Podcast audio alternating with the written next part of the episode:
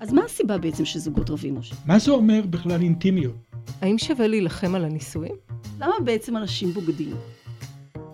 סיפורים מהקליניקה, הפודקאסט של האגודה הישראלית לטיפול זוגי ומשפחתי.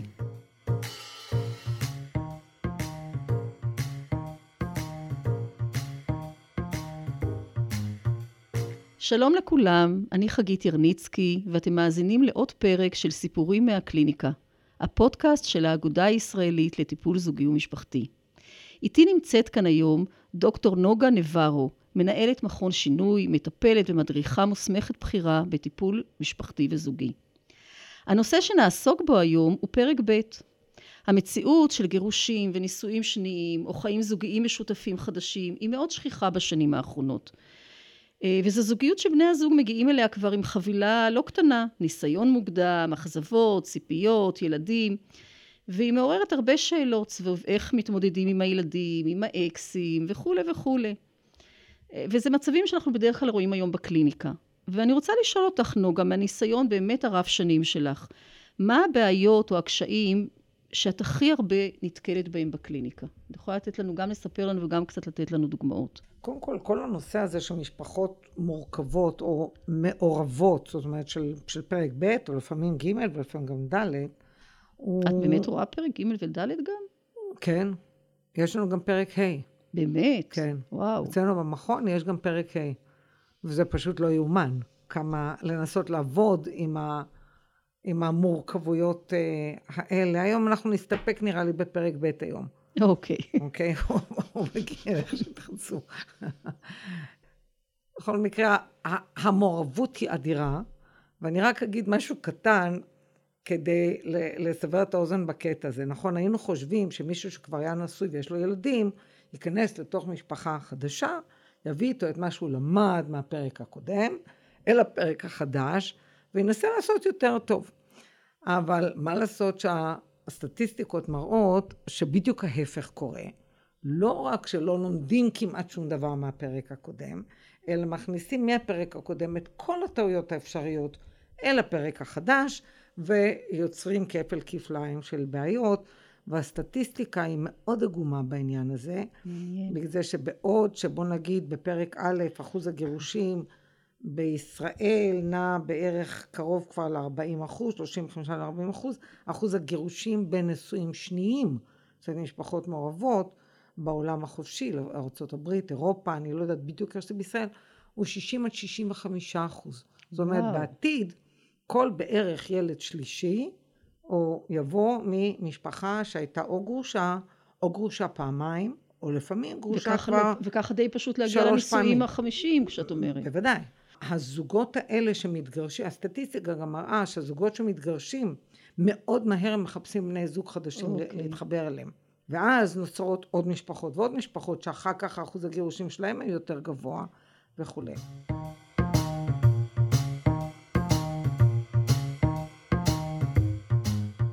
אבל איך את מסבירה את העובדה שבאמת באים עם פרק ב' וכאילו לא למדו כלום מפרק א'? כן.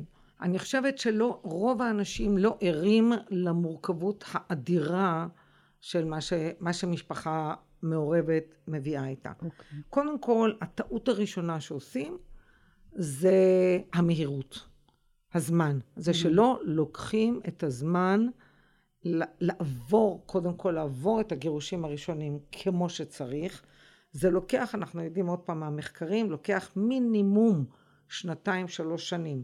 אחרי גירושים או אחרי אלמנות, לפני שבכלל יש מוכנות רגשית ליצור זוגיות חדשה בריאה. יחד עם זה אנחנו יודעים במחקר שאנשים בתוך שנה, לפעמים שנה וחצי, כבר יוצרים בית אה, שני.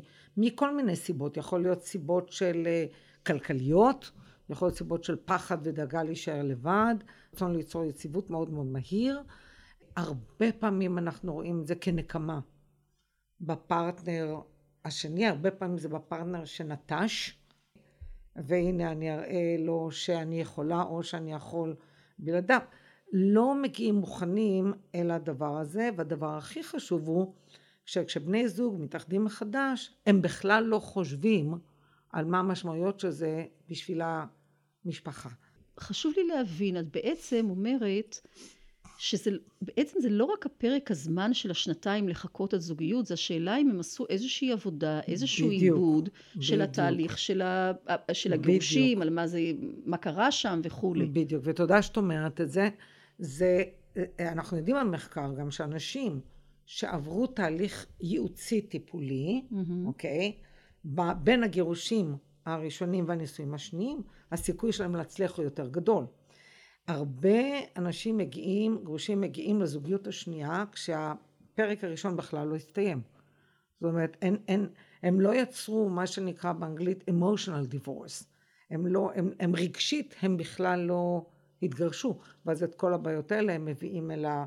אל ה... זה. אבל זה רק עוד חלק קטן, יש עוד הרבה מעבר לזה.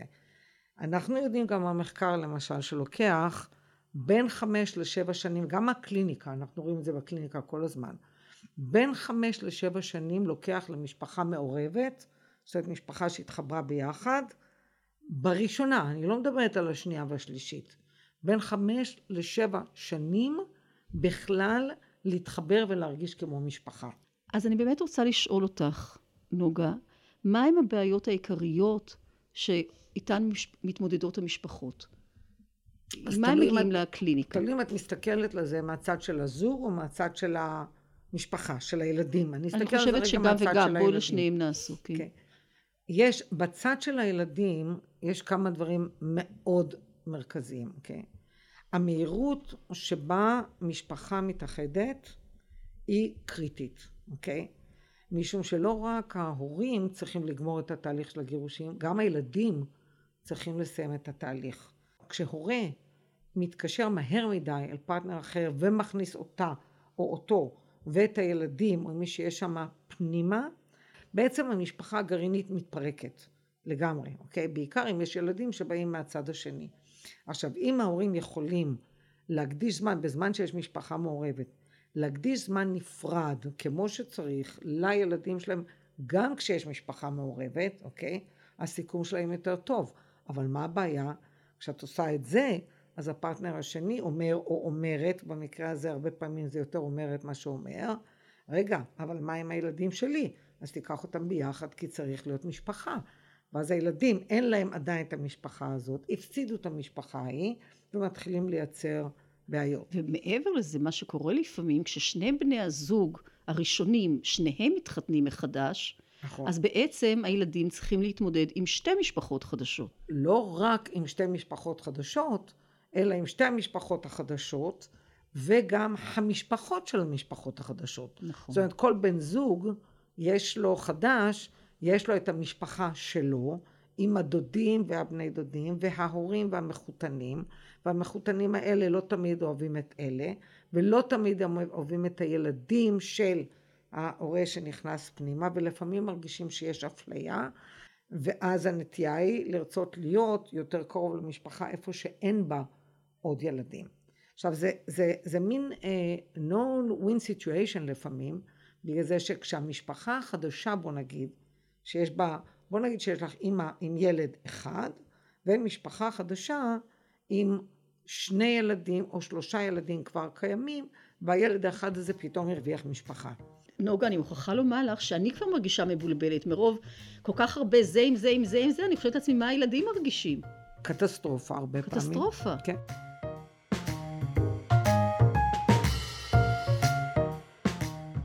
אחד הקשיים הכי גדולים זה שכשהילדים מייצרים בעיות במשפחה המעורבת והם עושים את זה לעיתים מאוד קרובות מכל מיני סיבות. ילדים שיש להם צרכים יותר חזקים כמו למשל בעיות לימודים מן הסתם אה, ידרשו יותר זמן מההורה שיש. עכשיו אם שני בני הזוג לא יודעים לתמוך אחד בשני כמו שצריך בטיפול בילדים וזה הרבה פעמים קורה אז נוצר מלחמה בין שני ההורים. עכשיו יש עוד דבר שהוא נורא חשוב עם ילדים.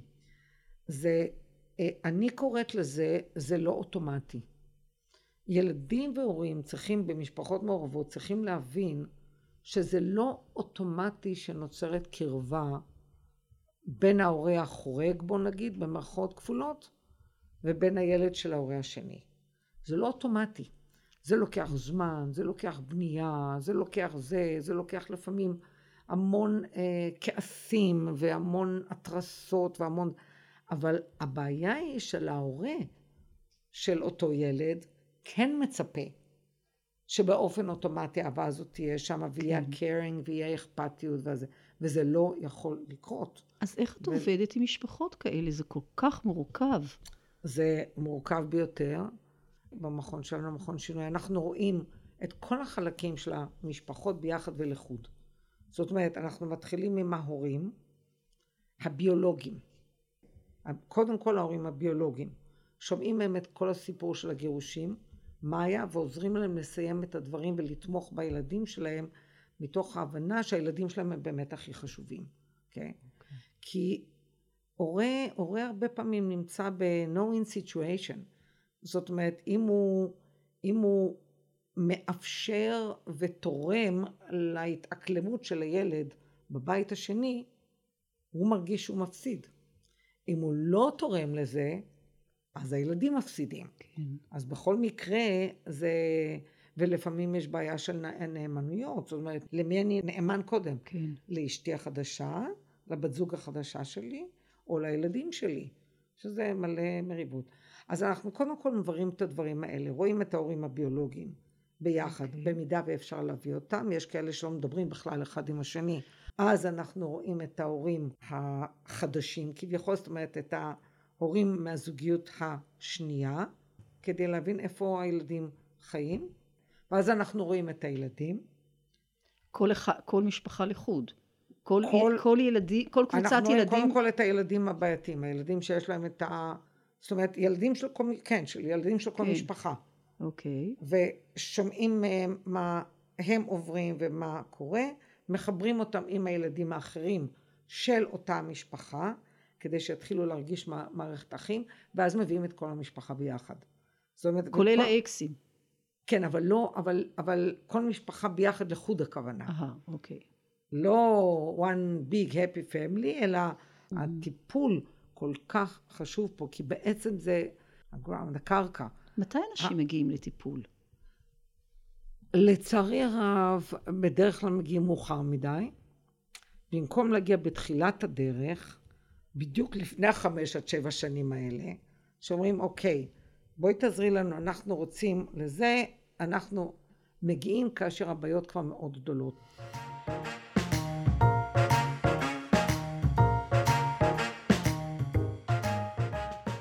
יש כאלה שמגיעים בהתחלה משום שהילדים בשום אופן לא מוכנים לקבל את הפרטנר החדש. צריך לזכור שילדים בני חמש-שש לא מגיבים כמו בני עשר, ואלה לא מגיבים כמו בני חמש עשרה, שש עשרה.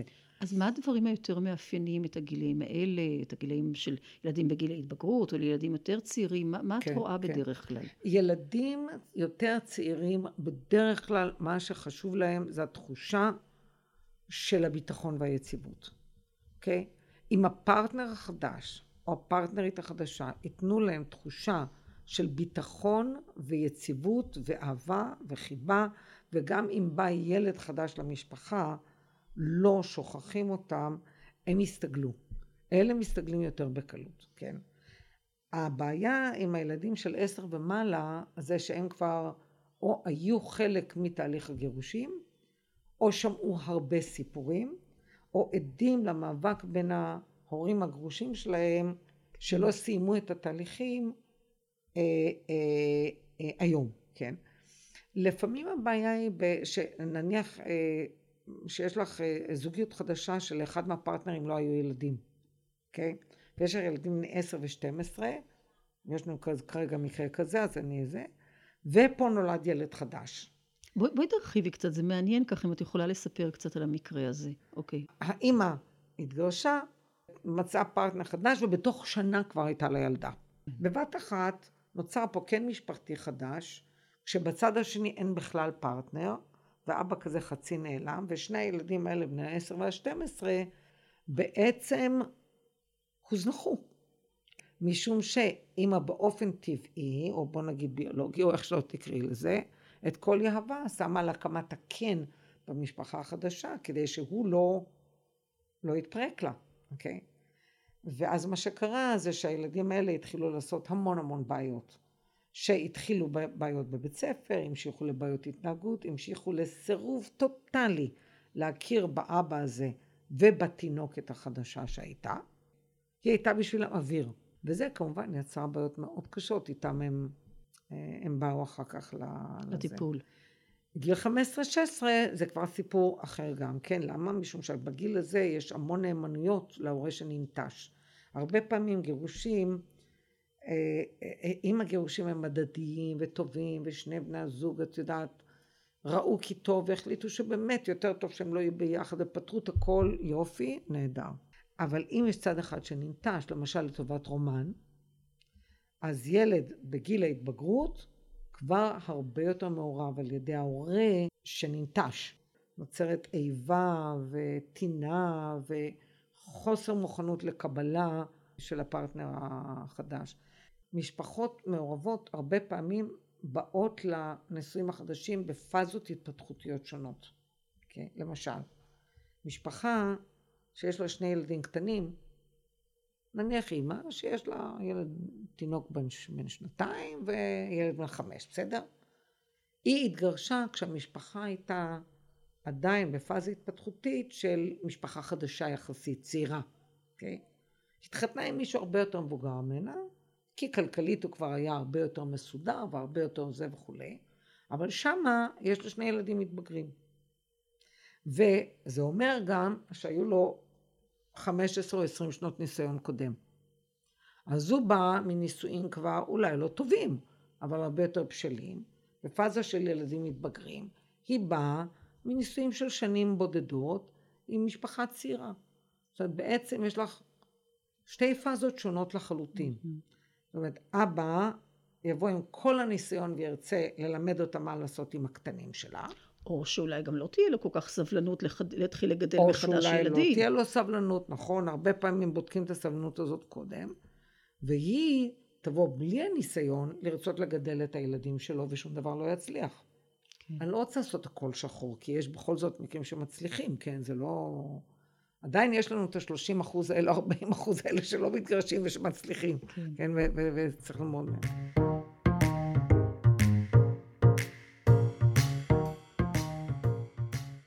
אני אשאל אותך נוגה, אם אני עכשיו גרושה עם שני ילדים, הכרתי גבר, אה, יחסים בינינו התחממו, אנחנו חושבים לעבור למגורים ביחד, מה, מה היית מציעה okay. לי אוקיי. לעשות? כן. קודם כל, כמו שאמרתי, קודם כל לקחת את הזמן. לבדוק היטב אם את מספיק שנים אחרי הגירושים. הכרת גבר, לפני שאת הולכת לעבור לגור איתו ביחד, יש כל כך הרבה ללמוד עליו ועלייך. אז בראש ובראשונה, ברגע שיש את החשיבה הזאת, הולכים לתהליך ייעוצי. אוקיי? ייעוצי, טיפולי, אצל מישהו שבאמת מבין מה העניין. כי יש הרבה כאלה שלא כך מבינים, לצערנו, אוקיי? זה דבר ראשון. עכשיו, מה יש ללמוד שמה? שמה יש ללמוד אה, על הגירושים או האלמנות אולי, של כל אחד משני הצדדים.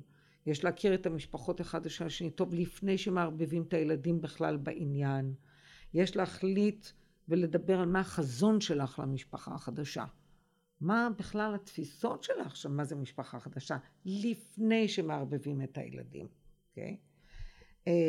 וה, וה, והתפיסת ההורות שלך, ומה יהיה אם תהיינה בעיות, וההסכמים הכלכליים, הכל חייב להיות לפני שמכניסים את הילדים פנימה. השאלה היא בכלל אם אפשר לעשות את כל הדברים אפשר. האלה לבד, בלי עזרה מקצועית. לא, צריך עזרה מקצועית. צריך עזרה מקצועית. רצוי עזרה מקצועית, אם רוצים להיות. חכמים. כן. הכל אפשר לעשות לבד, אבל זה לא כן. בהכרח חכם.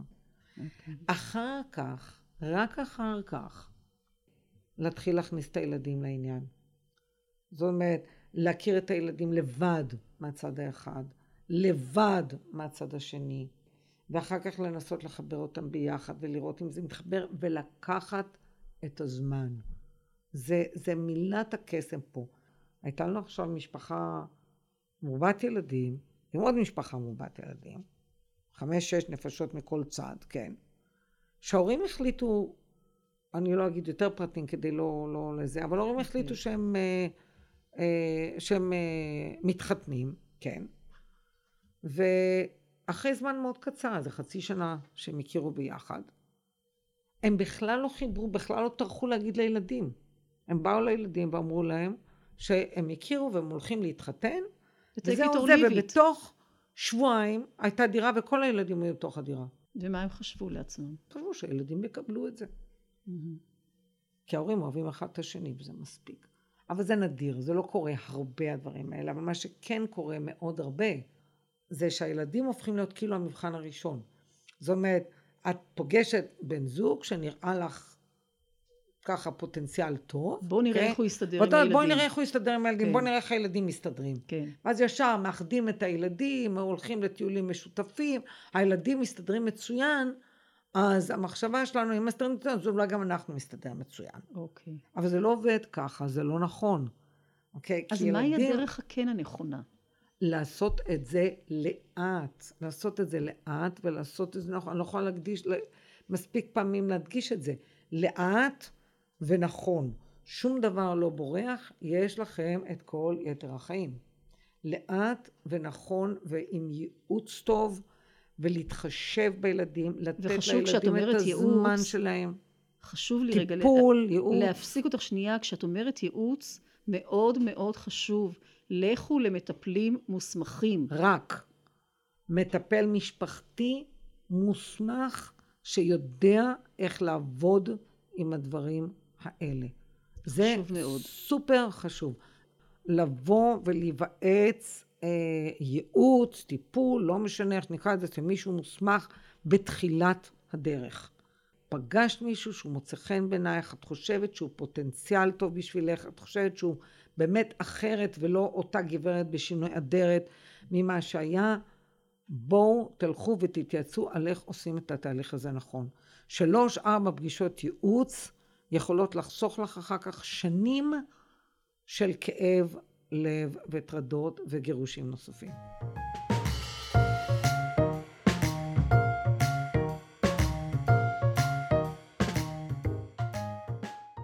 הרבה הרבה תודה נוגה, כי אני חושבת שהנושא הזה היה חשוב מאוד, חשוב להרבה משפחות שנמצאות בתוך התהליך הזה, ומאוד חשוב מה שאת אומרת, הייעוץ, ללכת לייעוץ, להתלבט עם עוד איש מקצוע על מה שקורה מאוד מאוד יכול לשנות את הפרוגנוזה של איך תהיה מורכבת נכון, המשפחה החדשה. נכון. ולמנוע הרבה כאב לב. תודה לך. תודה. תודה לך. יש עוד כל כך הרבה להגיד, אבל אני מקווה שזה אבל יהיה לנו עוד הרבה פודקאסטים, ואני חושבת שאולי נוכל גם להמשיך לדבר כן, על זה. כן. אז תודה, אני חגית ירניצקי, נשתמע שוב בפודקאסט הבא.